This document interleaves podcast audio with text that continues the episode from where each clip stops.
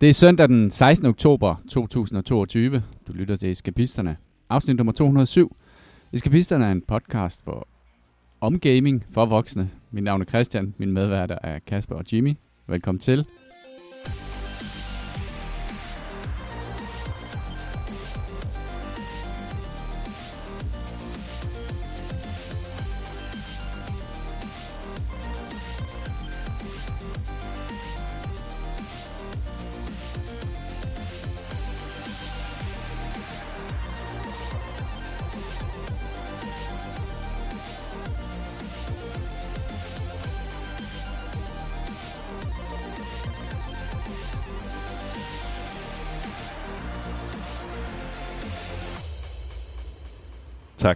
Skal jeg tage den igen? Nej, jeg synes, vi skal lave en podcast for gaming om voksne. Ja, det var lige det, jeg var ved at sige.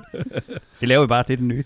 Uh, Jimmy, jeg har lidt... Jamen, det er fordi, jeg har lidt hovedpine i dag. Vi Det sad, forstår jeg ikke. vi sad og delte en flaske rødvin, mens vi spillede. Måske mere end en. Ja, måske mere end en. Ja, Det var ikke faktisk. rosé. Uh, nej, det var ikke rosé. Det er jeg lidt overrasket over. Og jeg ved det, godt, jeg synes får hovedpine af at drikke uh, rødvin. Men det er det værd. Det er det værd. Vi sad og spillede... Var den tør? øh, ja, det er den altid. Det, det, jeg kan ikke lide sød rødvin. Nej, okay. Ja. Men det er fordi, du, jeg hørte godt, du stod ude i køkkenet og sagde, at tør er lige med sur. Jeg, jeg har været på det- fancy restaurant, så Ja. jeg har lært sådan nogle ting, så jeg, jeg er jo nærmest en form for sommelier. Så uh, Vestegnsdrengen uh, på uh, fin, fin restaurant. Ja, jeg var på Sølvrød Kro, og så kommer man ind og får, det, det glemmer jeg altid, når man er sådan nogle fine steder, så får man jo ting, der er gratis, man ikke skal tænke over, som man betaler på. Hov, hov, hov, det har jeg Ja, ikke bestilt det der. Hvad, hvad koster vandet? Ej, nu åbner jeg en ny flaske, det skal bare være for vandhanen. Øh, nej, øh, så de starter med at spørge, om jeg vil have noget at, at drikke. Øh, så siger vi, jamen, hvad kan jeg få? Jamen, der er, hvad hedder det, øl, eller der er champagne, vin, mm. Mhm. eller drinks. Jeg vil gerne have en vodka juice. Ja, der er øl, vin og drinks, eller champagne. Elsker, at han bare overhører dig og Ja, så prøver igen. Så, så jeg endte med at drikke vand, den der gratis drink, hvor jeg kunne have fået noget rigtig dyrt. Men det er jo fordi, mit begrebsverden, når man er ude for Vestegn, er jo, jamen jeg kunne godt kalde det en uh, screwdriver. Det tror jeg ikke var, havde hjulpet på det, i forhold til, Er en screwdriver, er det vodka juice? det var ikke juice, ja. Det er jo en isbjørn. Ja, Jamen- Har, har du noget Red Bull? ja jamen det, Mm. det, det er cirka det område, jeg bevæger mig i. Nå. Det tror jeg altså ikke, de, de var indehaver derude. Men så er det da flot, at du alligevel gik derind. Ja, Der er præcis. sikkert mange, der har, har, har haft det svært ved at gå ind sådan et sted, hvis de føler, at de ikke passer ind. Jamen det, det har jeg intet problem det, det rører mig ingen. Kasper passer ind alle steder. Ja, det er det fede. præcis. Du er plug and play alle Ja, er- situationer i verden. Ja. Jeg synes, at du... Øh, okay, USB-C. det var fordi, da vi, under The Elden Lord-dinneren, der var det jo egentlig også mest os, der bestilte dine drikkevarer. Ja, ja, det var det. Men der fik du da vodka juice. Gjorde du ikke? Nej, nej, nej gjorde du fik sådan en cocktail. Nej, man ville ikke lave, de ville ikke lave vodka juice der, men de lavede alt muligt andet, som jeg blev meget, meget, meget Nej, det er rigtigt, ja. Ja, og de må, Jamen, det er ikke... fordi, de var sådan håndværkere, og, de, og man kunne simpelthen ikke få dem til at lave en spoleret drink. De var, nej, Nå ja, det er Nej, rigtigt. det kan jeg Det ikke. skal bare være billigt. Og det Ja. går imod alt det. Jamen, jeg skal bare have paraplyer og fyrværkeri i. Og, nej, nej, nej, nej. ja, Jeg har de noget var- kokos. Ja, ja, de har lavet sådan en lille kokosflage hen over din uh, drink. Ja, det er crazy, det kan jeg godt se. Nu har jeg rigtig slået jer løs. Nå, men maden, det var god. Det var fantastisk, ja. Nå, det var godt. Ja. Det var godt. Så, så det kan anbefales. Undskyld, jeg tager hul på anbefalinger eller noget. Det gør ikke noget. Ah, men jeg tror, vi har en stående anbefaling på Sølvrød Kro. Ja. Det, behøver, det behøver vi ikke at tage op hver gang. Det, det vil jeg virkelig anbefale. Det, Jeg- Jeg, jeg har også godt 5.000 lide, øh, kroner, du ikke ved, hvad du skal det bruge kan vi til. faktisk godt lide. Taxaturen hjem, hvor at, hvad hedder det, ham der henter os, ligesom prøver at spore sig ind på, hvor vi ligger politisk på grund af valget. Og så, så siger Oh. han jo, at øh, Venstre ligger over på den anden side, deres hovedkontor ligger der. Og så kan han ligesom se, høre, der ikke er noget respons, så holder vi bag en bus, hvor Mette Frederiksen er på, og siger, så siger han, hun er fin, ja, hun er, hun er, hun er fin om det. Det er ikke lige der, jeg stemmer. Så siger jeg jo så, at jeg stemmer enhedslisten. Og så blev han rigtig glad, fordi han var kurder, og enhedslisten støtter kurderne. Så, så jeg fik knuckles af, hvad hedder det, øh, taxichaufføren. Og øh, min ven, som øh, havde betalt taxituren tilbage, jeg havde betalt for hans frokost, eller aftensmad, sagde, du smider ham bare af, altså på, på Holte station, altså åbent dørmet og smid ham ud. Men øh, han stoppede taxaen pænt, og lod mig ligesom komme ud, fordi at, øh, jeg ligesom støttede kurderne. Så det var, men al- altså at diskutere politik med taxichauffør, det vil jeg nok også sige, det er en af de ting, jeg prøver at undgå for alt i verden. ja, jamen, Jeg vil sige, det lyder lidt, det lyder lidt så sjovt, som at lost i en biku. ja, jamen det, det, var også det, jeg tænkte, jeg tænkte, når han startede Det kan med gå godt, venstre, det kan gå skidt, men det går nok ikke godt. Jamen, øh, jeg tænkte, når han startede med det her venstre, så tænker jeg, okay, så, så er der en lang vej hjem, når jeg ligesom skal fortælle, hvor jeg ligger politisk, så jeg ligesom vælger lidt at overhøre dem et par gange, hvor han så insisterende omkring, at det er Venstres hovedkontor, der ligger der, og de har møde derinde nu. Mm. Det, det, det er fint. Jamen, jeg kom lige fra et Ja, møde med præcis. med Jakob. Ja, ja, præcis. Øhm, har du, det lyder som om, du har haft øh, en spændende øh, lørdag aften. Ja. Eller var det? Nej, det var ikke Det i var, går. det Du- var du- en torsdag, Nej, det var ikke i går. men Standard øh, torsdag. jeg, jeg fik jo lov, fordi det var en af mine venners 40-års fødselsdag, hvor jeg ligesom betalte en middag der. Øhm, så skulle jeg jo ligesom øh, gøre bod derhjemme, så jeg, hvad hedder det, sagde konen, du bare bestille noget sushi. Men jeg fik jo lov til at få den helt ydmygende tur ved at gå ned og hente sushien for hende og bringe den hele vejen hjem, så jeg ligesom kunne være rigtig misundelig på, at øh, hun skulle have sushi den aften. Men jeg vil sige, en, en, en aften på Søllerød Kro var også, øh, ligger også sådan også okay. var også højt. okay. Ja. Ja. Det, det går lige an. Og du kunne ikke have inviteret hende med? Jamen, bordet var kun til to, jo. Nå ja. Og så var der også noget pasning af Atlas. De har ikke større bord, ja. De har ikke større bord. Det- det kan ikke lade sig gøre. Ja, og der det- selskaber, nej, nej, nej, det er sådan en ny ting, de har. Nej, du skal ikke slå det op, jeg smutter. Det, men det føltes sådan lidt som, at der ikke var flere borer. Men vi blev mast sammen i en sådan relativt lille sal, hvor at vi blev mast ind i et hjørne, så tænkte okay, der kommer mange mennesker. Men sådan der, da vi sluttede aften kl. 21, der var vi altså kun tre øh, par spisende.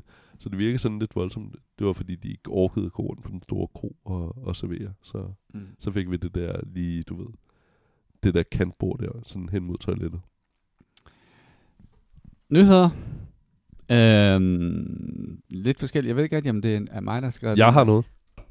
Ja. Altså, vi kan jo, vi kan jo kigge på øh, farvekoden. Hvis de er gule, så er det rent mig, der skal. Åh, for fanden. Nå, hvor, okay, var, var det ikke dig, der Øh. sagde det med, med hvad hedder Jo, jo, farvekoderne? Ej, Og det så- er længe siden. Okay, Det er flere flasker rødvin siden. Det blev Okay.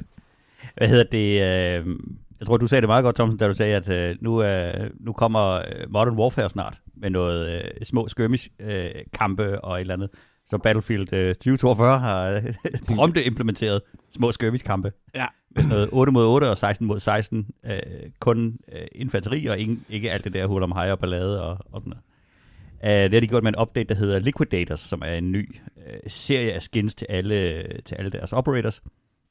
Og så har de sådan smidt den her øh, game mode ind for, for præemptivt at prøve at, at undgå, at Modern Warfare kommer og stjæler hele deres, uh, hele deres kundebase.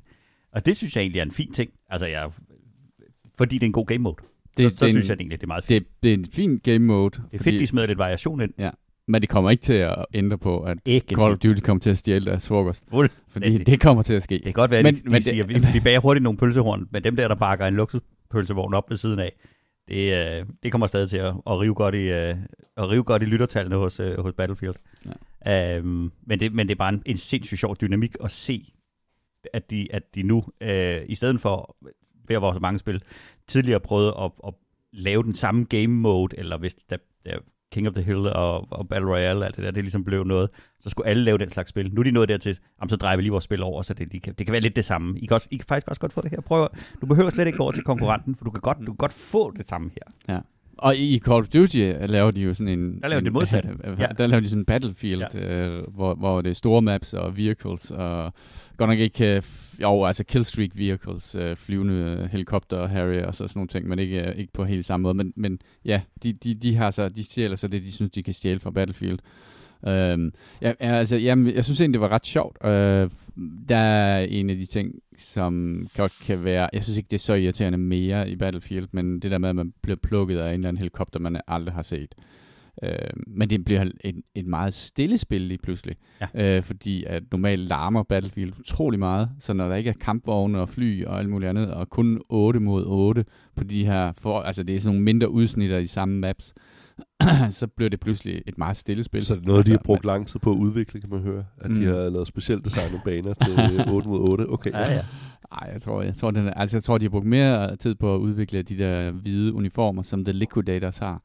Øhm, som Hvilket virker åndssvagt, fordi der er præcis én bane, hvor det vil være okay at have noget hvidt tøj på, Ja. ja. men ikke godt. Ikke, Det ikke er super okay. godt, nej, men det ser sejt ud. Så ligner du sådan Altså sejt ud i ørkenen og komme løb, komme løb i sådan en uh, laboratoriehvid dragt. Mm.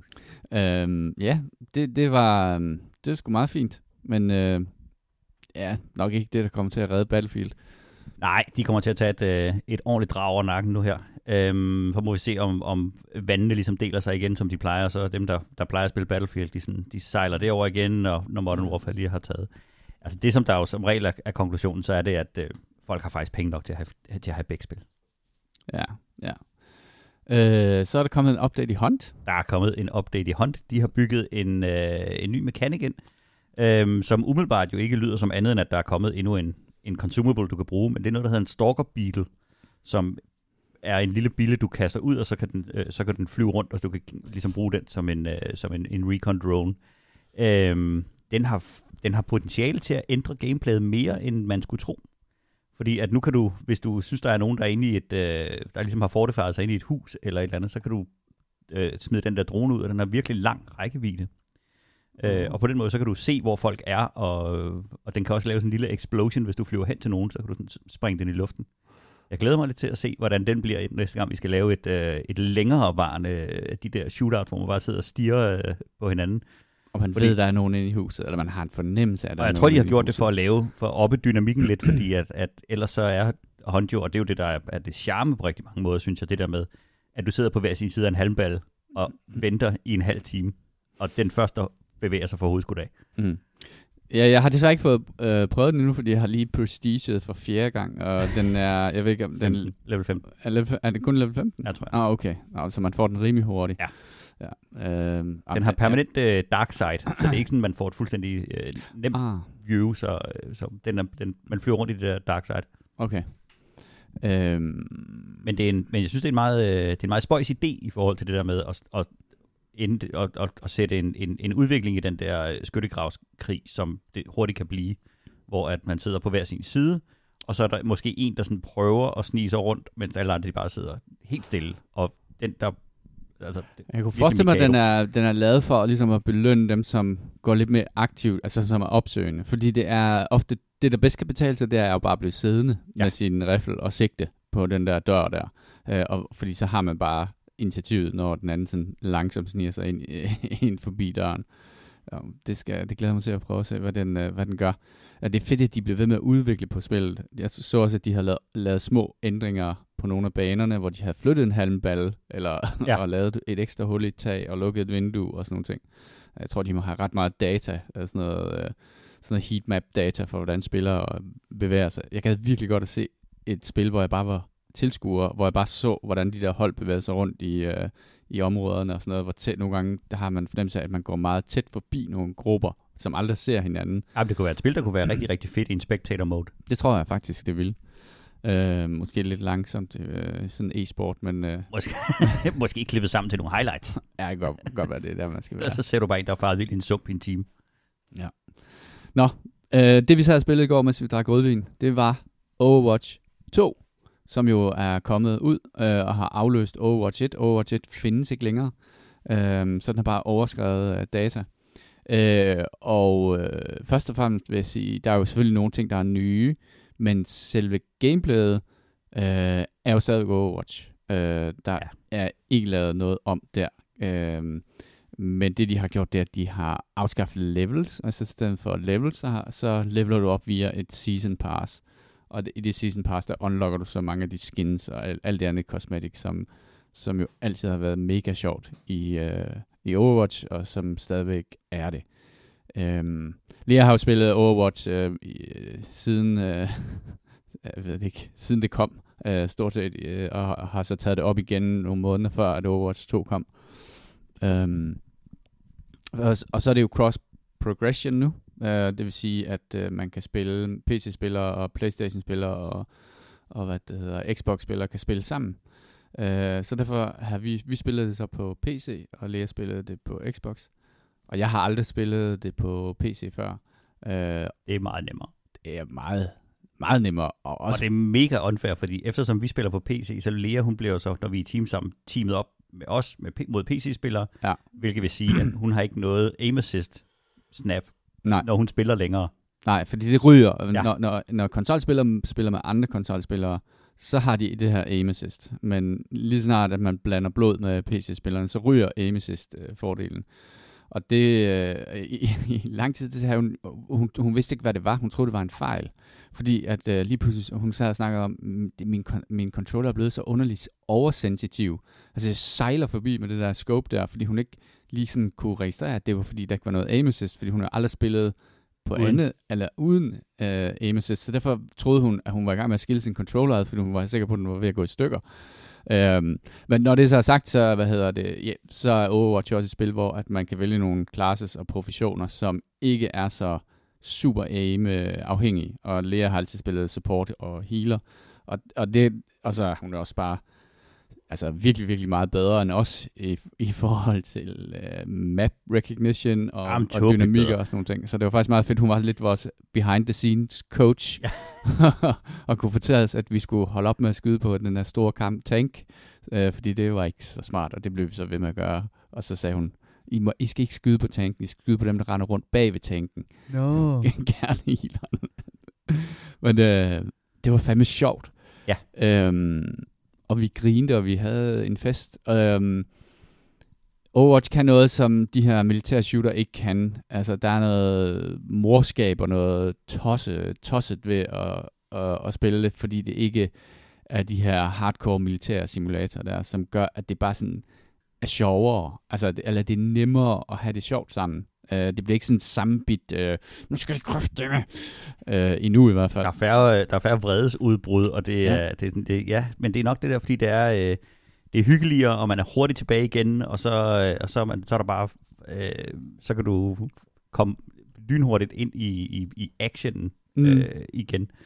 Um, og så er det jo et spil, som er, som er hvad skal man sige, nemt at lære, svært at mestre, og det, det, det er jo virkelig, virkelig godt, for man kan tydeligt mærke, at, at når man så, det her femmandshold, så begynder at arbejde sammen, så gør det en gigantisk forskel, fordi det er, at man er så få mennesker, der kan, der kan rykke så meget.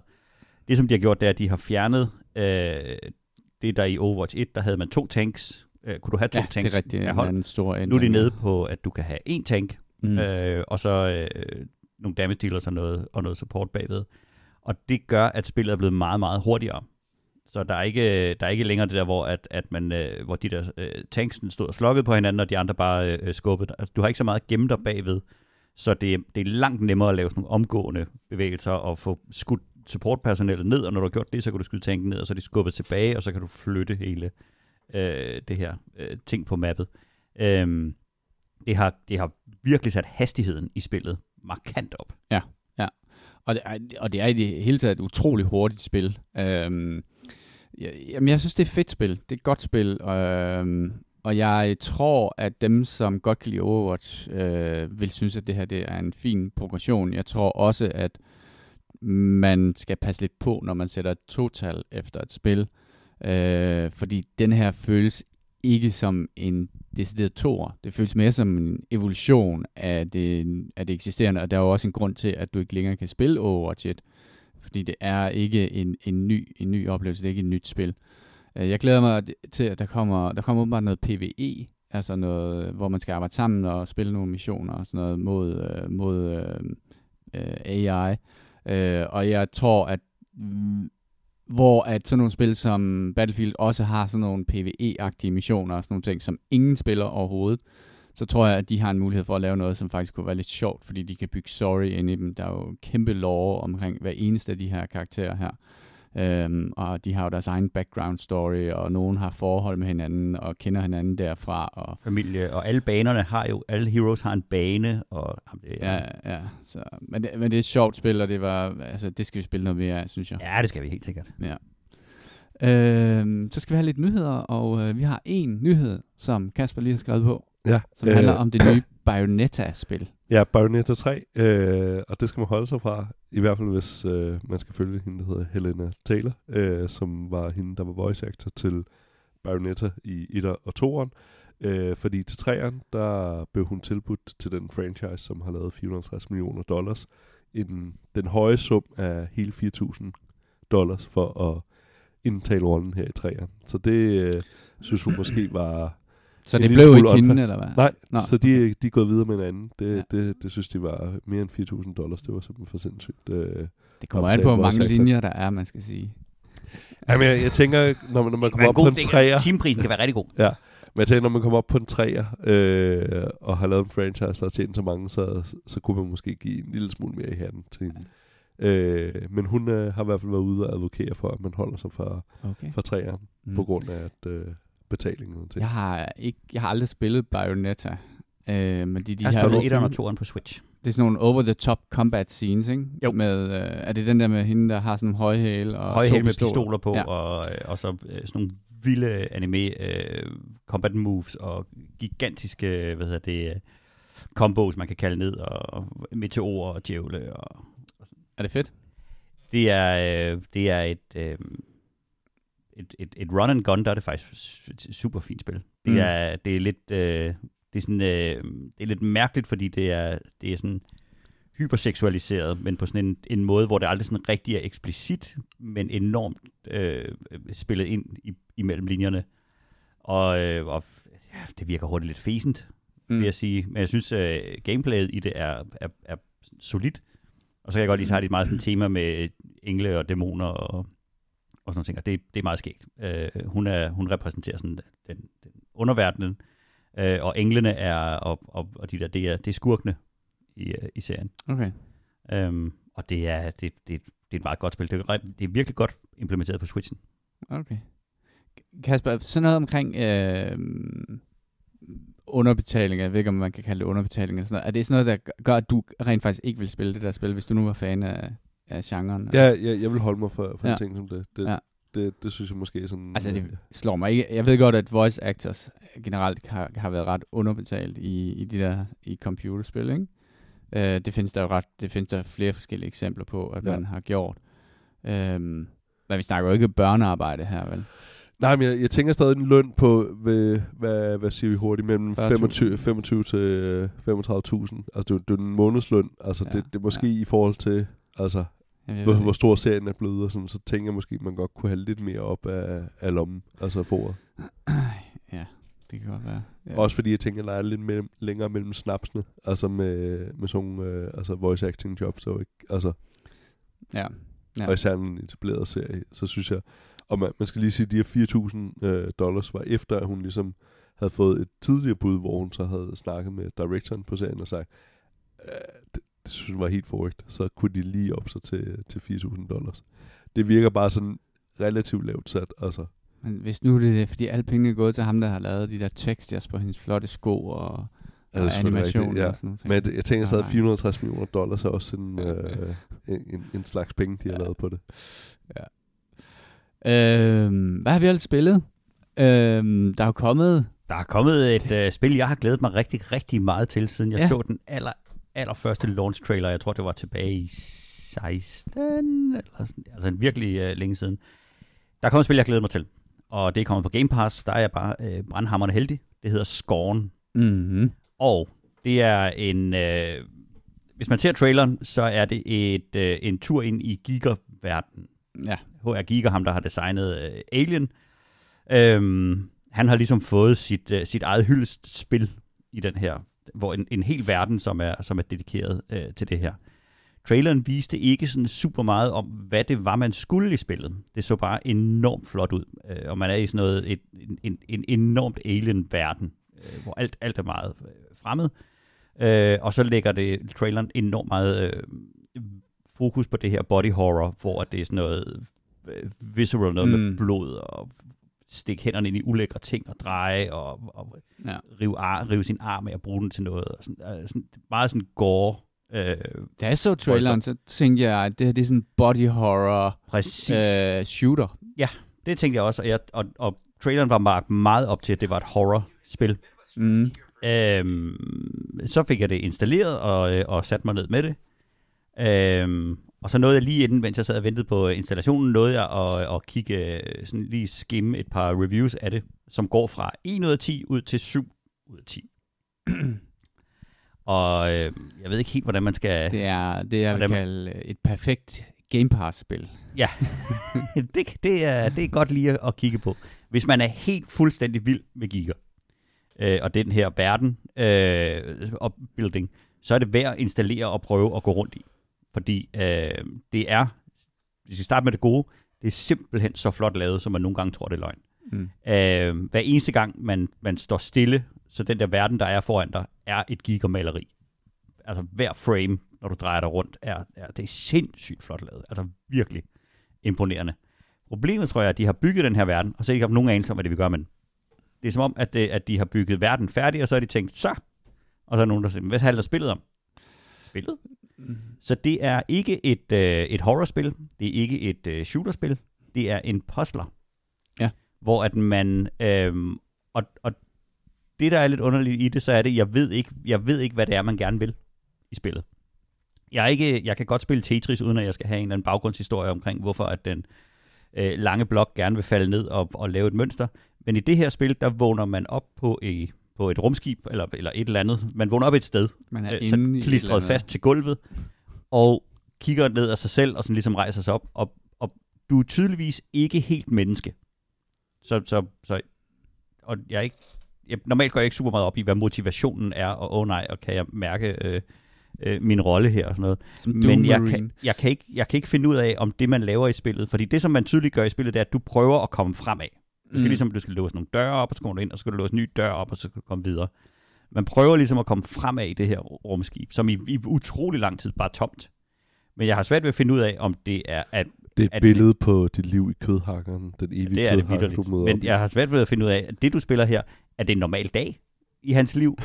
er han ved at, er han ved at slippe væk morgen. fra noget? Vil han et eller andet? Og da jeg var kommet sådan cirka godt et, et, halvvejs ind i Act 2 ud af 5, øhm, hvor man kommer til en meget, meget underlig øh, sekvens, hvor du skal skubbe rundt med sådan et, et øh, en, en hvad, underligt øh, degenereret menneskeagtigt monster i en rullestol. Følte jeg simpelthen som sådan en handicaphjælper i rummet. Og det, der slog mig, da jeg sad og spillede der, det er, det virker som om, at altså, du er ligesom du er inde i den fedeste bane i Alien Fireteam. Du er bare ikke Marine, du er visevært jobsimulator. Og du er visevært jobsimulator på din første dag, uden at have fået noget instruks om, hvad du skal lave i det her store hus, som er tomt. Så man går bare rundt.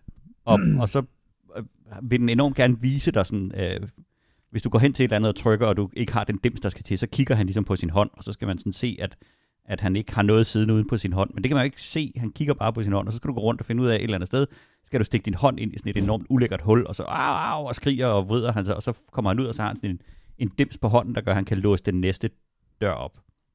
Jeg tror gerne, det vil være sådan et, et spil, der sådan skal vise dig. Det har sådan et sprog, det gerne vil prøve at, at fortælle dig, hvordan du skal komme videre. Mm. Men, men de fleste af de puzzles, og der hvor jeg nået til, det er, der er det spørgsmål om, at du skal gå rundt i banen, indtil du finder en dims, og den dims skal du putte ind i en anden dims. Okay. Det er ligesom det. Ja. Så kommer du på et tidspunkt, så, øh, så dukker der nogle... Øh, Atlas har også nogle ting, hvor han skal få det til at passe ned i de rigtige huller. Ja, det er cirka sådan spillet er.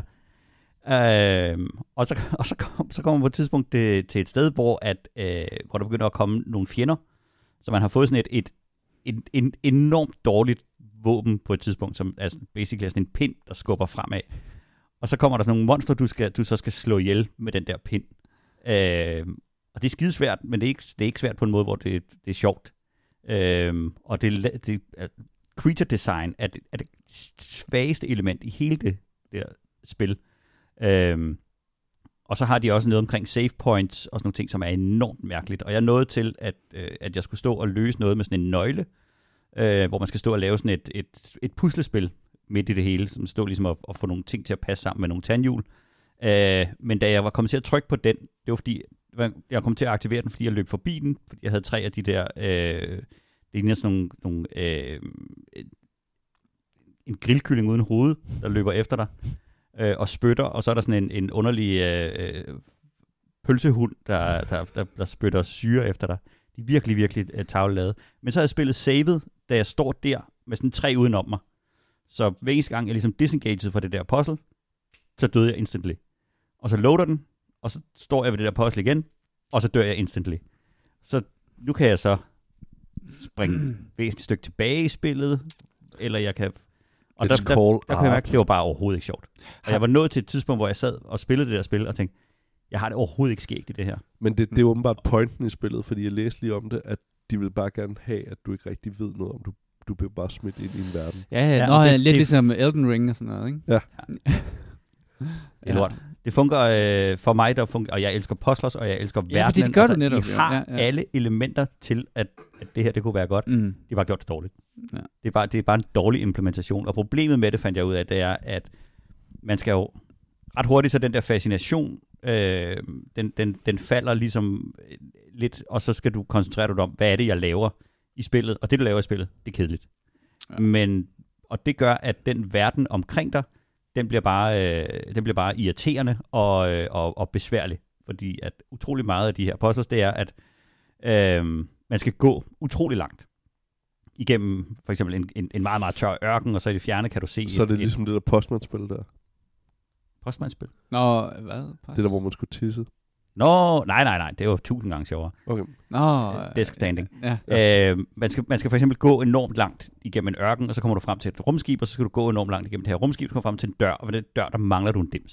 Så siger man, okay, skal jeg så til at gå hele vejen tilbage for at se, hvor at jeg ikke har fået øje på den der, det, og det skal man. Det er, okay. så, det er så puzzlet, du skal, du skal lave der. Mm. Øhm, og det gør, at den verden, som var så fascinerende at være i i starten, den bliver bare øh, langtrukken og, og irriterende. Det har nogle sjove elementer i det der body horror, meget sådan uh, visual og, og, og Ja. folk bliver savet over og sådan noget. Men, men, hmm, ej, det, altså, jeg så lige, at hvis man søger, hvad, hvad, hvad scorn betyder på dansk, så betyder det hån. Det er altså et godt navn til det spil. Det er sådan noget artsy... Øh, øh, fordi der findes jo andre spil, jeg kan huske, når du forklarer mig det der, så findes der jo spil, som gør det der godt, altså det der at være en walking simulator. Ja, Jeg ved så skal de huske, fortælle at, en historie, under, mens du laver det der. Ja, lige præcis. Der var det der, der hed Soma, Ja. som foregik under Det er et vandet. fantastisk spil. Som jo også var sådan et eller andet sådan, åh, jeg finder ud af, at jeg er en kopi Ja. af, en, af en kopi af en kopi, eller sådan et eller andet den stil. Jeg havde sådan et eller andet highfalutin... øh, Ja, ja, det det der med, at, du, at, at det- hvis du ikke kiggede på monstrene, kunne de ikke se dig, så man, sådan, man stod og kiggede ind i væggen som bedre Blair Witch Project. ja, ikke? ja. Øhm, og det har de ikke her. Det Nej. er, det, er, det er flot lavet, og det, men det er hands down et dårligt spil. På Game Pass, så du kan downloade det gratis. Download det, og Fordi- det vil jeg faktisk anbefale, at man gør, og så ser den her verden, fordi det er meget fascinerende at, at gå rundt ind i det her. Og når du så tænker, nu synes jeg, jeg har set det, så går du bare ud igen. Har du nogen fornemmelse af, om det er et langt spil? Ved du det? Jeg tror, øh, nej, det er ikke et særligt langt spil. Øh, altså, anmeldelsen siger, at du kan få det overstået på cirka 5 timer. Okay, Det kan du så det så. kun hvis du ved, hvad du skal gøre, fordi de er, jeg er i hvert fald ikke klog nok til at, at gennemskue de her øh, puzzles i den hastighed. Så der bliver utrolig meget vandrende rundt. Jeg måtte spørge Lotte, som lige var en time længere fremme, og hun sagde, Nå, du skal jo finde den der dims. Og jeg, sådan jeg synes, jeg har været alle steder i banen. Mm. Jamen, så gå helt tilbage til lige der, hvor du kommer ind i banen. Der går du udenom sådan en, en ting, der blokerer dig. Den skal du stoppe op foran, og så åbner den op. Mm. Så får du den der. Nå, okay, så kigger jeg tilbage til den. Så Mm. den der dims. Og så tager man den dims, går ind og stikker den ind i en anden dims, og så går du videre. Mm. Altså, man kan sige, de har, de fik, de fik meget omtale på grund af at de første trailer, da de kom frem, og man så den her underlige biohorror-ting der. Øh, og ingen vidste jo rigtigt, hvad det var for et spil og sådan noget, men, men jeg tror... Heller ikke udviklerne. Det, nej. Og Det er meget, det er, måske meget ærgerligt. lyd, stemning, øh, Ja. visuelt. Ja. Men det virker virkelig som om, at de ikke har anet, hvad de skulle gøre Ja. med spillet. Fordi også, der, der er noget på et tidspunkt, der får du noget, du kan skyde med og sådan noget. Så det, de, de har ligesom måske tænkt, at det skal være et eller andet den retning. Det er det bare ikke. Jeg er meget skuffet. Så er det godt, at vi har prøvet et spil, som var skide sjovt. Øhm, og nu snakker vi om Overwatch, og øh, at det, der er sådan en munterhed i Overwatch. Øhm, det er der også i uh, Chivalry 2, øhm, som også er et øh, Game Pass øh, spil, men øh, som var spillet jeg bare sådan downloadet, fordi øh, det var på Game Pass, og jeg havde hørt, at der var nogen, der sagde, at det var egentlig ret godt. Øh, fordi umiddelbart så minder det jo lidt sådan, at der findes jo sådan, der findes For Honor, som er sådan et uh, teambaseret medieval uh, fighterspil, hvor man er to hold mod hinanden. Uh, men det, som jeg ikke lige vidste uh, omkring Chivalry, det er, at det er et spil, som overhovedet ikke tager sig selv alvorligt. Øh, og som bare går efter det groteske i sådan Maksimal to, kaos. to øh, hold af jernkrigere, der bare hugger hoveder og arme og, og ben af hinanden og kaster armbolde ud fra en, fra en borgmur eller et skib, eller og prøver at eksplodere hinanden, og det er Vælter hinandens Bare- bare... stiger og siege towers og øh, rider, sygt sjovt. rider hinanden ned på heste. Og, Ja, Altså- der var også mounted øh, Ja, ja, ja jeg, jeg spillede med Mounted Cavalry. Øh, spillet er, at man i en række forskellige scenarier, så skal, er de ligesom to fronter, der bliver sat mod hinanden på den der meget Braveheart-agtige måde, Mm. hvor at folk de sådan brøler og løber Mm. ned imod hinanden. Ja, og man så har skal, en knap, som man råber med. Præcis. Og spurter. Ja. Øh, og så har man en masse forskellige, øh, forskellige angreb med de her økser, eller kæmpe svær og alt muligt andet, man har. Og så skal man så forsøge at nå ind, og så hugge hovedet af nogle af, af de andre.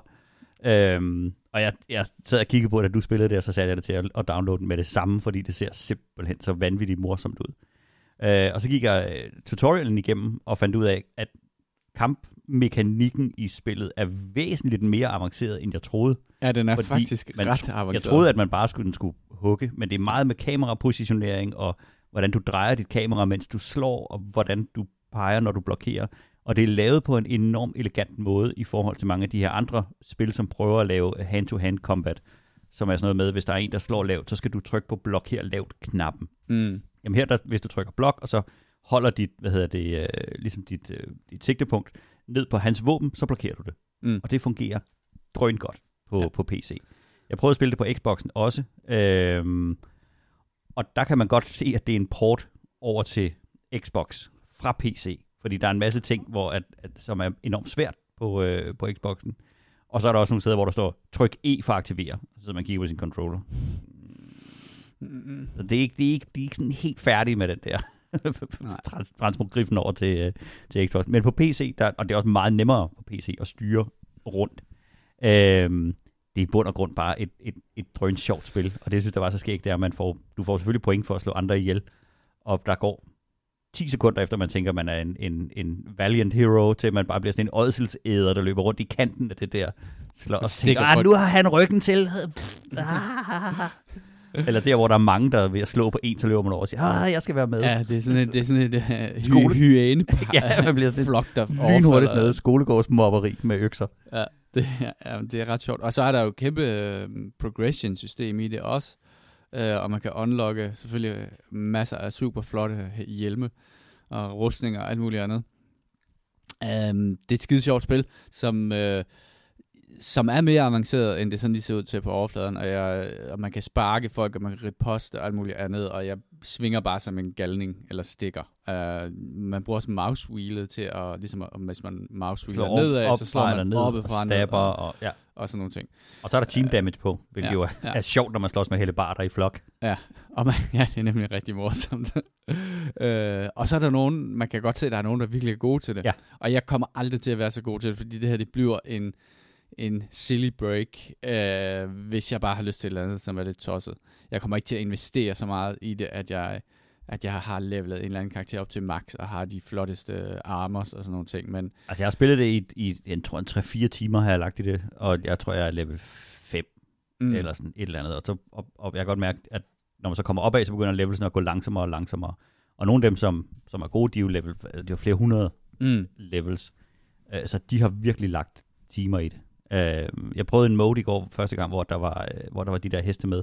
Og der er man simpelthen inde i sådan en, øh, et kolosseum, som er sådan, altså ligesom, det er ligesom en NASCAR-ring Mm. øh, ring af et kolosseum, hvor at, at, at dem, der kommer, de så bare løber og hopper ned i det der, og så er der heste, der rider rundt derinde, og folk, der, der hugger hinanden. Det, Altså rent vanvid. Game of Thrones. Game of øh, Thrones. Øh, Ridderturnering. men så har de også sådan et, øh, et system, hvor at, at den ligesom fortæller en historie med, at du skal...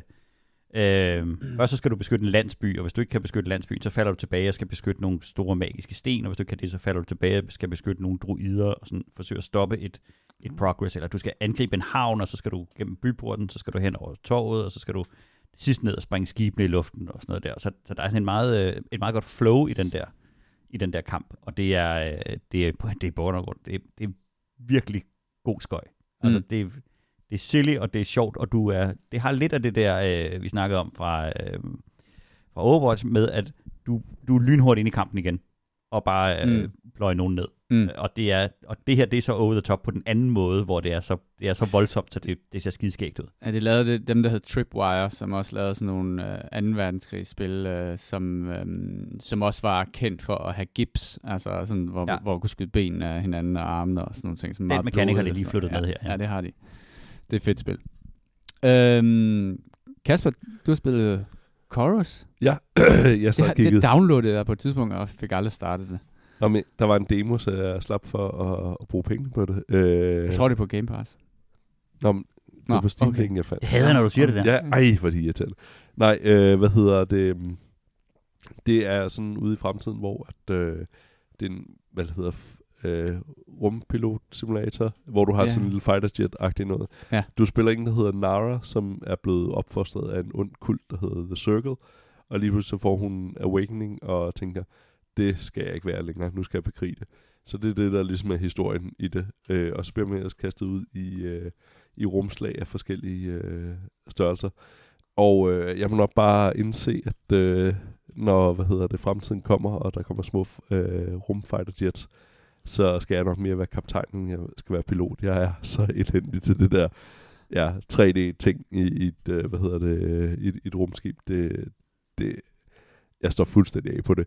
Jeg spillede, tror jeg, en time i går, hvor jeg ikke kom videre fra den første mission. Så. Du spillede det på Steam Deck. Er det ikke ja. noget med, at man kan fysisk flytte, altså bruge Steam Deck til at sigte med? Og det er ikke bare, hvad den sagde, controls. Nå, okay. Øh, Nej, det skal nok være bygget til det, men ja, så bare, ja, jeg kan præcis. huske, at det var Doom eller sådan et eller andet. Øh, ja, hvor, der er nogle af det, hvor de, de virker, men denne her, der, der bruger den bare den der standard scheme til den, øh, når man starter right. op, øh, virker det i hvert fald som. Det, det stod der i hvert fald, da jeg startede op, så jeg fik ikke oplevet det. Det, måske, det var derfor, jeg spillede så dårligt, fordi jeg bare sad og kæmpede mod mig selv. Øh, ja, det må være det, der har gjort det. Ej, du er nok mere sådan en bridge commander type, Jamen, det, end, det, det, det, jeg tænker. end du er fighter pilot. Jamen, jeg, jeg hørte til på kommandobronen på ja. USS ja. Enterprise. Hvor, hvor sidder du så henne? Står Jamen, du op? Sidder du ned? Er, ja, du, er du sidder, jeg, jeg sidder ned. Jeg sidder ned, ja, tror jeg. Ja. Kaptajnstolen, intet mindre ting, jeg kan gøre det.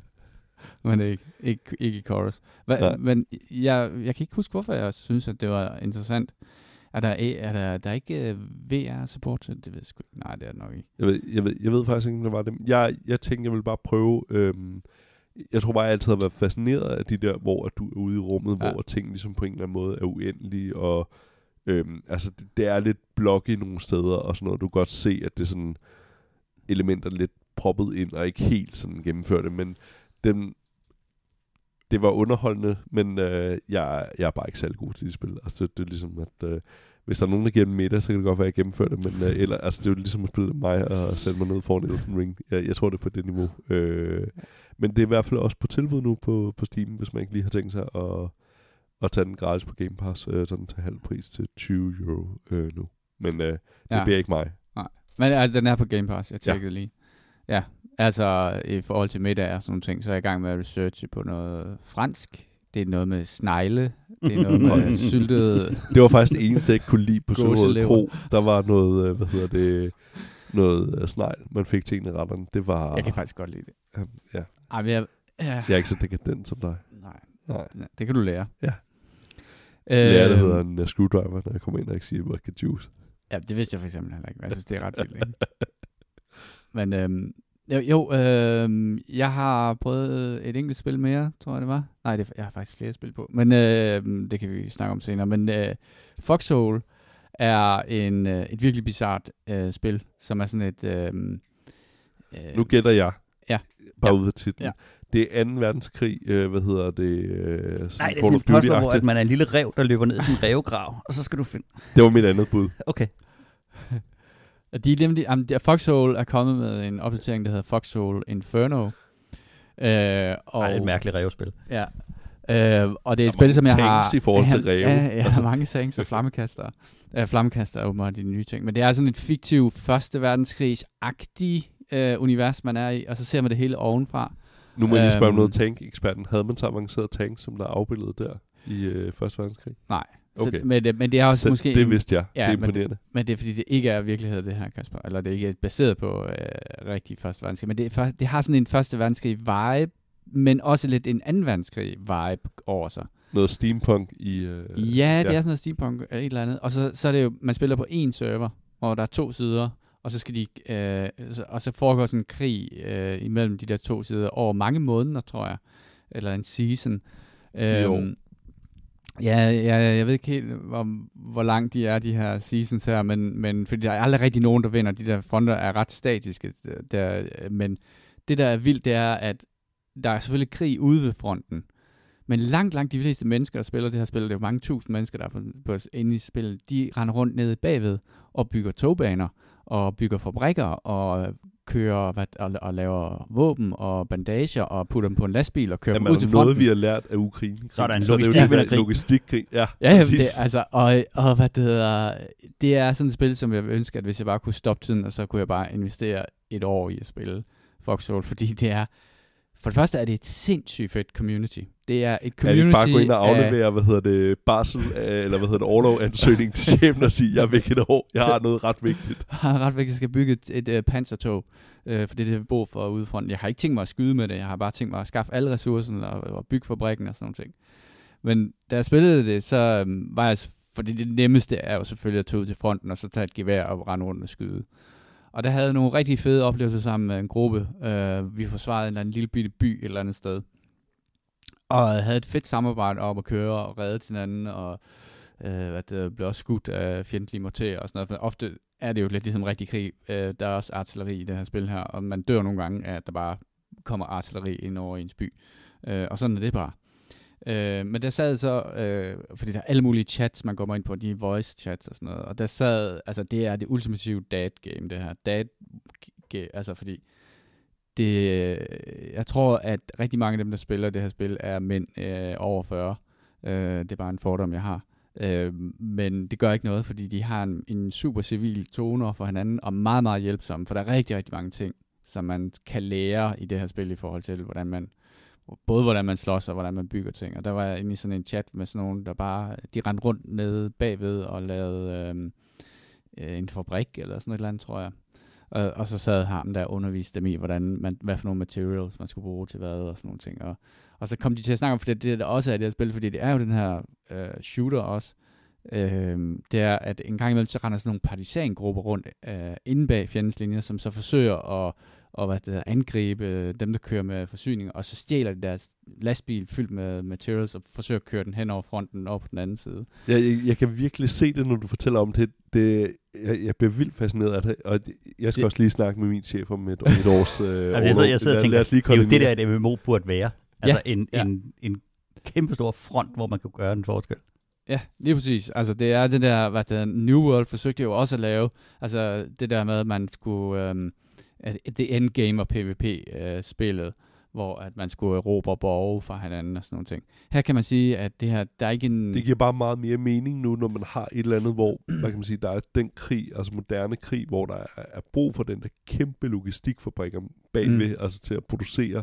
Ja. Øh, ja. Og, og, det, og det, det her, der er ikke nogen, hvad skal vi sige, der er ikke nogen uh, pseudo singleplayer kampagne det her. Du er bare, du er bare en grunt, der ankommer til fronten. Og så må du lære det øh, så godt du kan. Øh, og nogen har, er, og, altså, du er virkelig, virkelig bare et meget, meget lille hjul i en, i en meget, meget stor maskine. Uh, så illusionen om, at du kan gøre nogen som helst forskel alene, er, er meget, meget hurtigt uh, afsløret som værende en, en illusion, fordi det, du kan ingenting alene i det her spil her. Så det, det er også en eller anden måde øh, at forberede alle de mennesker på, der har tænkt sig at arbejde i corporate-verden. Det der med, at du bare bliver en eller anden ubetydelig jul, og det, det gør ikke rigtig nogen forskel, du mødte ind den ene eller den anden dag. Okay, Ja. På et tidspunkt, så har du bare ikke flere tænder i på det lille Ja, tandhjul. præcis. og så har du bare sådan en cirkel, der drejer rundt. det, det er et fedt spil, og jeg har det lidt på samme måde, som jeg har det med Eve. Altså, det er sindssygt fascinerende bare at logge ind og bare høre de der mennesker, der snakker om det. Den der fuldstændig indforståede øh, samtale, de har om forskellige game mechanics. Og så øh, ser det faktisk også ret godt ud. Jeg synes, det er ret original grafik. Øh, for det har den her lidt... Øh, semi-realistiske øh, 2. verdenskrig. Det, der er nogen, der helt klart er baseret på amerikanere, og nogen, der er helt klart er baseret på sådan lidt preussisk kantede kampvogne med og sådan Er det spidsene på deres... Øh... Nej, ja, spidsen og hagekorsene. Ja. Øhm, Men er, er det et, du har tænkt dig at spille, fordi at når jeg hører om det, er det en af dem, jeg kategori, øh, Ja. hvad hedder det, putter i samme kategori som øh, netop EVE Online og lignende, Ja. ja. hvor at det er rigtig, rigtig, fascinerende at høre historierne omkring det, og alt det der omkring det. Altså det var også ligesom det, der jeg nævnte, det der Terror in Vic- Victor, eller ja, Terran Victor, ja. som blanding også- af Civilization, Ja. XCOM, Solaris og Twilight Struggle, at det, hver især er bare så store ting, som man tænker, wow, det er en, øh, det er en mundfuld. Jamen, det, er, vel- det, det er sådan et... Det skal jo være det spil, man så spiller, ligesom at Christian spiller football manager, eller sådan noget. Ja, det skal ja. være sådan et spil, man har, og kan Det er ens hobbyspil på en eller anden måde, Ja. og kan, at man kan, kan klare det med Altså, det, det, det, det er et spil, som er svært at klassificere, ikke? fordi der er så mange forskellige ting i det. Jeg kan se Steam, de siger også, similar to Games You Played, Hearts of Iron 4 og Counter-Strike. ah, Nå, ja, det, okay. så, så spænder vi bredt, ikke? Men det er ikke helt forkert. Du kan godt skyde nogle lidt, og du kan også godt grave kul. Ja, jeg kunne godt tænke mig at spille noget mere af det, men jeg kan også godt se mig selv forsvinde ind i det, eller, eller bare blive frustreret over, at jeg ikke har tiden til at sætte mig nok ind i det. Jeg synes, det er stadigvæk, det virker, det er stadigvæk Så nemmere du at komme ind i den der overlov igen, ikke? Ja, ja. det, det er stadig nemmere at komme ind i en EVE online er. Øhm, men, men altså, ja, jeg ved det ikke. Jeg synes, det er et fascinerende spil. Øh, jeg tror, jeg venter med at snakke lidt om, om det der spil, som jeg har skrevet på her, fordi det var, jeg har faktisk ikke spillet nok af til at have en god mening om det. Men øh, Kasper, du har spillet Super Meat Boy. Ja, næsten helt nyt spil. Nej, Mm. øh, det var igen, at øh, jeg sad og så, hvad hedder det, te med konen, og så ligesom havde behov for noget ved siden af, så jeg fandt øh, Great on Deck-spil frem, og der havde jeg blandt andet Super Meat Boy, øhm, som er det her roguelike, tror jeg det hedder, øh, hvor du har nogle meget små baner, hvor du ligesom skal komme igennem den, og hvad hedder det, det, det er ret underholdende, især fordi, at når man har fejlet tilpas mange gange i, i banen, og man så endelig klarer den, så får man en sådan en øh, øh, rerun af alle ens forsøg samtidig, der bliver, bare bliver smækket oven i hinanden.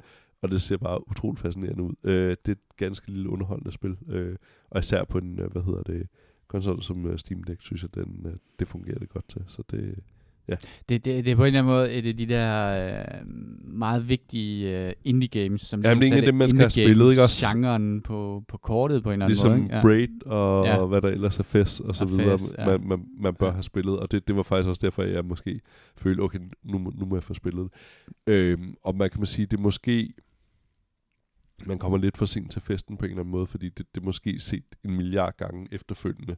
Men dengang var det måske øh, noget, der var, der var revolutionerende på en eller anden måde. Jeg havde i hvert fald svært ved at se, hvad der var det vildt revolutionerende, men nu havde jeg det, eller det er billigt, så nu, nu må jeg hellere prøve det, så har, så har jeg også ikke ramt. Jeg var sindssygt dårlig til at spille Super Meat Boy. Jeg, jeg, jeg kan bare ikke de der, øh, hvor man skal have det her pixel perfect.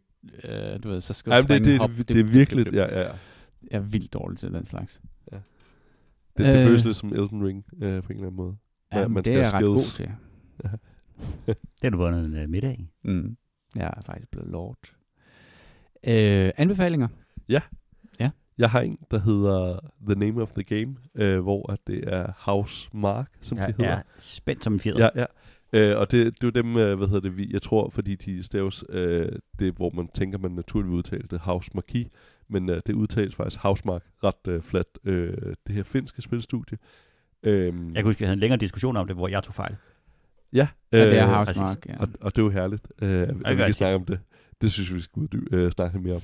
Men øh, hvad hedder det? Det er dem, der står bag Returnal, som øh, Jimmy har snakket rigtig, rigtig meget om. Det er Øhm, godt om. Ja, og rigtig godt om. Øh, de Det er jo også et spil, hvor du bare vågner op, og så skal du ligesom finde ud af, hvad der, er, der foregår. Præcis. Men der er en historie. Jamen, du, du skal bare finde den i det der andet skoven der. Ah, det Øhm, ikke. Det handler om, øh, hvad hedder det, det her lille indie-studie øh, i Finland, øh, som går sammen med skaberen af det, der hedder Robotron 2084. Øh, åbenbart et eller andet legendarisk øh, arkadespil. Jeg, jeg kendte det ikke, øh, men det er åbenbart en af de allermest spillede. Øhm, og de vil lave en, hvad kan man sige, spirituel efterfølgelse til det, der hedder Nex Machina. Øhm, og øh, det er faktisk det spil, der udkommer før, hvad hedder det, at øh, de laver Returnal. Det er ligesom deres sidste sådan øh, top-down-agtigt, hvor at de i stedet for går over til noget andet. Øh, og så handler den om, øh, de, de går sammen med ham der, skaberen af Robotron, for, for at skabe det. Øh, og det er en ret fascinerende, hvad hedder det, udviklerdagbog, hvor man kan se, at de... Øhm, ham der, der har skabt Rob- øh, Robotron, øh, han har masser af penge, og måske sådan lidt okay, men det, det er meget fint, de laver det der, men han, øh, han har masser af penge, så han er lidt ligeglad og bare surfer rundt sådan lidt. Øh, og de her udviklere, som jo har baseret meget af deres liv og ungdom på det her, øh, øh, hvad hedder det, har, har indkaldt ham for eksempel til et møde, hvor han har accepteret mødet, og så sidder man kan se, de prøver at sidde og blive ved med at ringe ham op på Skype, og han svarer bare ikke. Han havde accepteret at komme til møde. Øh, men det er en ret fascinerende historie, øh, også hvor det er ved at gå galt undervejs, altså for hele studiet. Øhm, men øh, og det handler om det her spil, der blev udgivet i 2017. Den ligger på Netflix, øh, og jeg mener faktisk, dokumentaren er, er, er lige udkommet i, her, her i år. Øh, så den kan anbefales, øh, også for, kan man sige, for spilhistoriens øh, skyld. Men. Og især til Jimmy. Ja, men det skal jeg se. Øh, ja, jeg havde et eller andet, jeg vil sige, men det var fordi, jeg, jeg, jeg sidder og leder efter et eller andet spil, jeg har spillet rigtig meget, som Housemark også har lavet, som var sådan en øh, firmands co-op shooter, også sådan set ovenfra, sådan top-down, øh, Er det Alien uh, Nation? A- Alien Nation, ja, Ja. ja, ja, ja præcis. Og, og faktisk det, der er interessant ved dem, øh, ved de er jo, at mange af spil får ekstremt gode anmeldelser. Det gør de altså en nemlig. anmelder darling. Mm. Mm. Men det, det kan, bliver ikke reflekteret i, i salgene øh, af spillet. Nej. Øh, men ja, det er Alien Nation, som, Men det er også, nok- ja, øh, man- som de periferiet rører i den her. Det, man følger primært det her udviklingsteam, som laver det, der hedder Next Machina. Øh, Det ser egentlig meget godt ud, det der Nix Magic, fordi Ja. de kan nemlig helt vildt meget med, med sådan effekter og, Ja, ja. og alt, alt sådan noget. der, der, der er skruet op for ja, det. Ja. der er nemlig fuld knald på det Ja. der. Men, og så er det jo, ja, så man kan sige, nu kender folk dem måske meget bedre, fordi de har lavet Returnal. ja, præcis. Øhm, Så jeg tænker, der er måske salg nogle af gamle ting. Men øh, faktisk fordi jeg sad og så den, så tænker jeg, så kan jeg jo ligesom sidde og spille det, imens jeg ser, men øh, den virker ikke på Steam Deck, den der, hvad hedder den, Next Machina, den var øh, unsupported, eller hvad fanden der, de, de kalder det på Steam Deck, så jeg, jeg, jeg forsøgte mig ikke at købe med det samtidig, men jeg, jeg får i hvert fald lyst til at spille spillet, øh, efter man har set den der dokumentar. Det, den er ret interessant at følge. Mm. Flere anbefalinger? Jeg er blevet anbefalet noget, som jeg vil anbefale videre.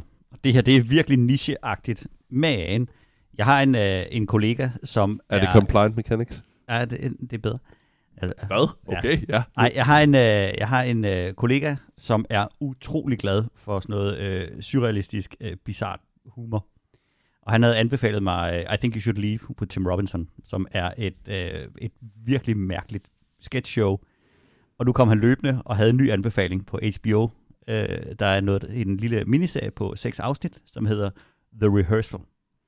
Og øh, det er en øh, mockumentary om en gut, der hedder Nathan Fielder, som ligesom bruger sig selv i den her, øh, i den her øh, serie. Men han har opfundet sådan en, øh, en metode, hvor at han rådgiver folk ved, at øh, hvis de skal ind i en svær situation, så gør han det, at han giver dem muligheden for at øve sig på situationen inden ved at lave sådan en ekstremt øh, realistisk øh, gennemprøvning af det med skuespillere. The rehearsal. Og så kan han så lige, så, så hvis du skal have en svær samtale med en eller anden, jamen så kan du, øh, så bygger han, øh, så bygger han øh, Sådan et rollespil? et øh, fuldstændig rollespil, fylder, øh, fylder det med skuespillere, og så kan du hele tiden øh, restarte den der situation, når du har sagt et eller andet. Og på den måde, så bygger han sådan et, øh, et kæmpestort øh, link, hvad hedder det, øh, flowchart op, sådan så du har prøvet alle outcomes, så du ved præcis, altså hvad du Groundhog skal gøre. Day-agtigt. Præcis, og så ved du, hvad du skal gøre. Ah, det er en god idé. Og, øhm, og så sker der selvfølgelig det, at, at det er så ligesom første afsnit, der handler om, om en, der ligesom gennemfører den her rehearsal method. Men så når andet afsnit tænk, kommer, så tænker jeg, okay, men nu skal vi se en ny rehearsal. Men det skal man ikke. Så fortsætter de bare ind i den der verden, han er i gang med at bygge. Og det, det, det er svært at forklare, men det her, det bliver det mest meta serie fjernsyn, jeg nogensinde har set, hvor at de der rehearsals begynder bare at folde sig ind i sig selv igen og igen og igen og igen og igen. Fordi han, han stopper nogle, en rehearsal for ligesom at sige, det er mærkeligt, nu prøver jeg at lave en ny rehearsal inde i den her rehearsal, for ligesom at øve, hvad det er, der er gået galt.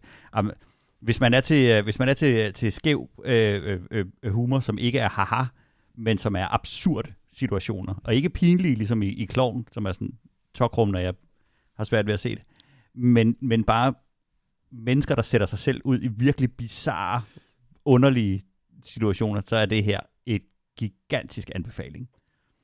Det tror jeg faktisk, øh, du har solgt mig på, det der. Så har jeg ingen mere. Uh, det er faktisk en, lavet en helt masse anbefalinger til Jimmy. En, der Ja, hedder tak. Cryptopia. Bitcoin, Nej tak.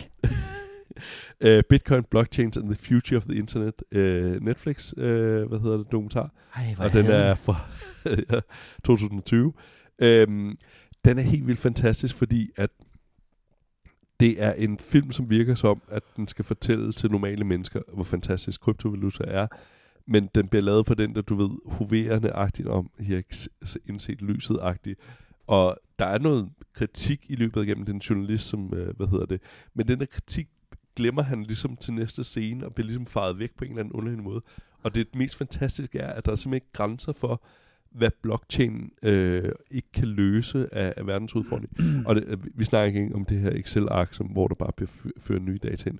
Men Det der kommer til at lyde sult og krig. Ja, øh, jamen det, det kan jo også løse klimaforandringerne. De, Nemt. de skulle bare lige have, de skulle bare lige, nå ja, det, det kan vi også bruge det til. Det er helt vildt fascinerende, og man sidder sådan efter en anden time og tænker, uh, de, øh, de er godt nok specielle, de der krypto, kryptofolk der. Altså, jeg, jeg føler det på samme måde irritation, som hvis uh, ham der Bitcoin-piraten stod og sagde ting til mig. Det, det er sådan en halvanden time med det. Så, så hvis man har lyst til det, lidt, lidt had. Ja. det der. Jamen, se det, netop det, det er et fantastisk pyramidespil, og det handler om de der, øh, hvad hedder det, gudedyrkelse af ham der, der lavede den white paper på bitcoins der, og så ligesom det der, hvordan det nærmest bliver sådan en religiondyrkning af ham, og så er der jo de her split, og en af de vigtigste ting, der er jo, at blockchain aldrig kan forandres, lige indtil den kan forandres, hvor at der så bliver lavet en ny valuta, hvor at der så er den gamle blockchain, hvor der stadig er, når der var nogen, der fik stjålet rigtig, rigtig mange penge, øh, og det synes tilpas mange var synd, så de lavede en ny kryptovaluta, hvor de så ligesom fører pengene tilbage til ham her. Det er ret fascinerende øh, at høre om denne her øh, snak og de her indbyrdes kampe, der er undervejs. Og samtidig så skal man lige huske på, at det er sådan, der er ikke rigtig kritik i denne her. Den, den er meget forhelligende af, af hele det her bitcoin, blockchain, kryptovaluta ting der. Det skal bare lige kickstartes igen, Ja, ja, præcis. Kasper, Det- så- så er den der. Så, så er den der fandme. Ja. Ja. Nu er den der. Og, og, og det fede ved, hvad hedder det, kryptovaluta, er jo, at de ikke falder i værdi. Der kommer ikke lige pludselig en crash, hvor de crasher ned til under 20.000 øh, dollars øh, per, per bitcoin. Og det sker jo ikke. Det, det er ikke inflationsramt på nogen måde, sådan noget. Nej. Hvad hedder det? Ja. Øh, ved kryptovaluta.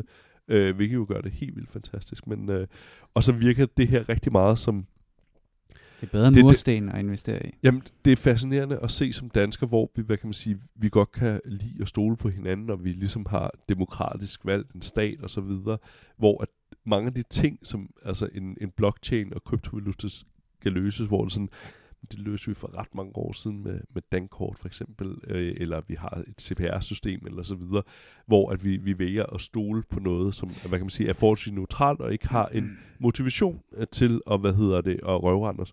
Hvorimod at det her er Det er markedet, det er det frie marked. Løser, Jamen, løser jamen, det det. jamen Kasper. præcis, det er jo det, det, det frie marked. Altså, og, og hvis, hvis man er mod inflation, så kan man bare lade være med at spise mad jo. Så kan man bare lade være med at købe det, så, så virker kapitalismen. Så kan man bare spise jord. Øh, men den, den er ret fascinerende, fordi at det er en, altså sådan, hvor det er sådan, men nu stoler du bare på ham der, som står som den største pyramide i toppen af pyramiden, og siger, "Jamen, du, du skal bare gøre det, du skal bare stole på mig. Jeg er den gode diktator. Mm. Det, det er der jo på et tidspunkt, hvor han siger, om man skal, så er det, man lige skal, skal træde et skridt tilbage, når, når folk siger, at de er den gode diktator, så skal man lige huske på, øh, er det Charlie hvordan Chaplin? Der, ja, ja, præcis. Der, Darth Vader, han opstod, ikke? Så, så ja, Ej, jeg det tror jeg, det tror jeg faktisk allerede. ikke, ja, men jeg tror faktisk, jeg overhovedet ikke, jeg holder ud at se det der. se den, se den. Man, man kan sidde og blive rigtig, rigtig vred, og så sidde og sådan knuge hænderne sammen. Godt. Venner, det var alt, vi havde for i dag. Uh, husk, at du kan finde os på eskapisterne.dk og alle de andre steder, man finder sine podcasts. Du kan skrive til os, det kan du gøre på vores Gmail. Det er escapistpodcast at gmail.com med forslag til spil eller emner. Det var alt for denne udgave af Eskapisterne. Hvis du synes, at podcasten er god, så del den endelig med dine venner.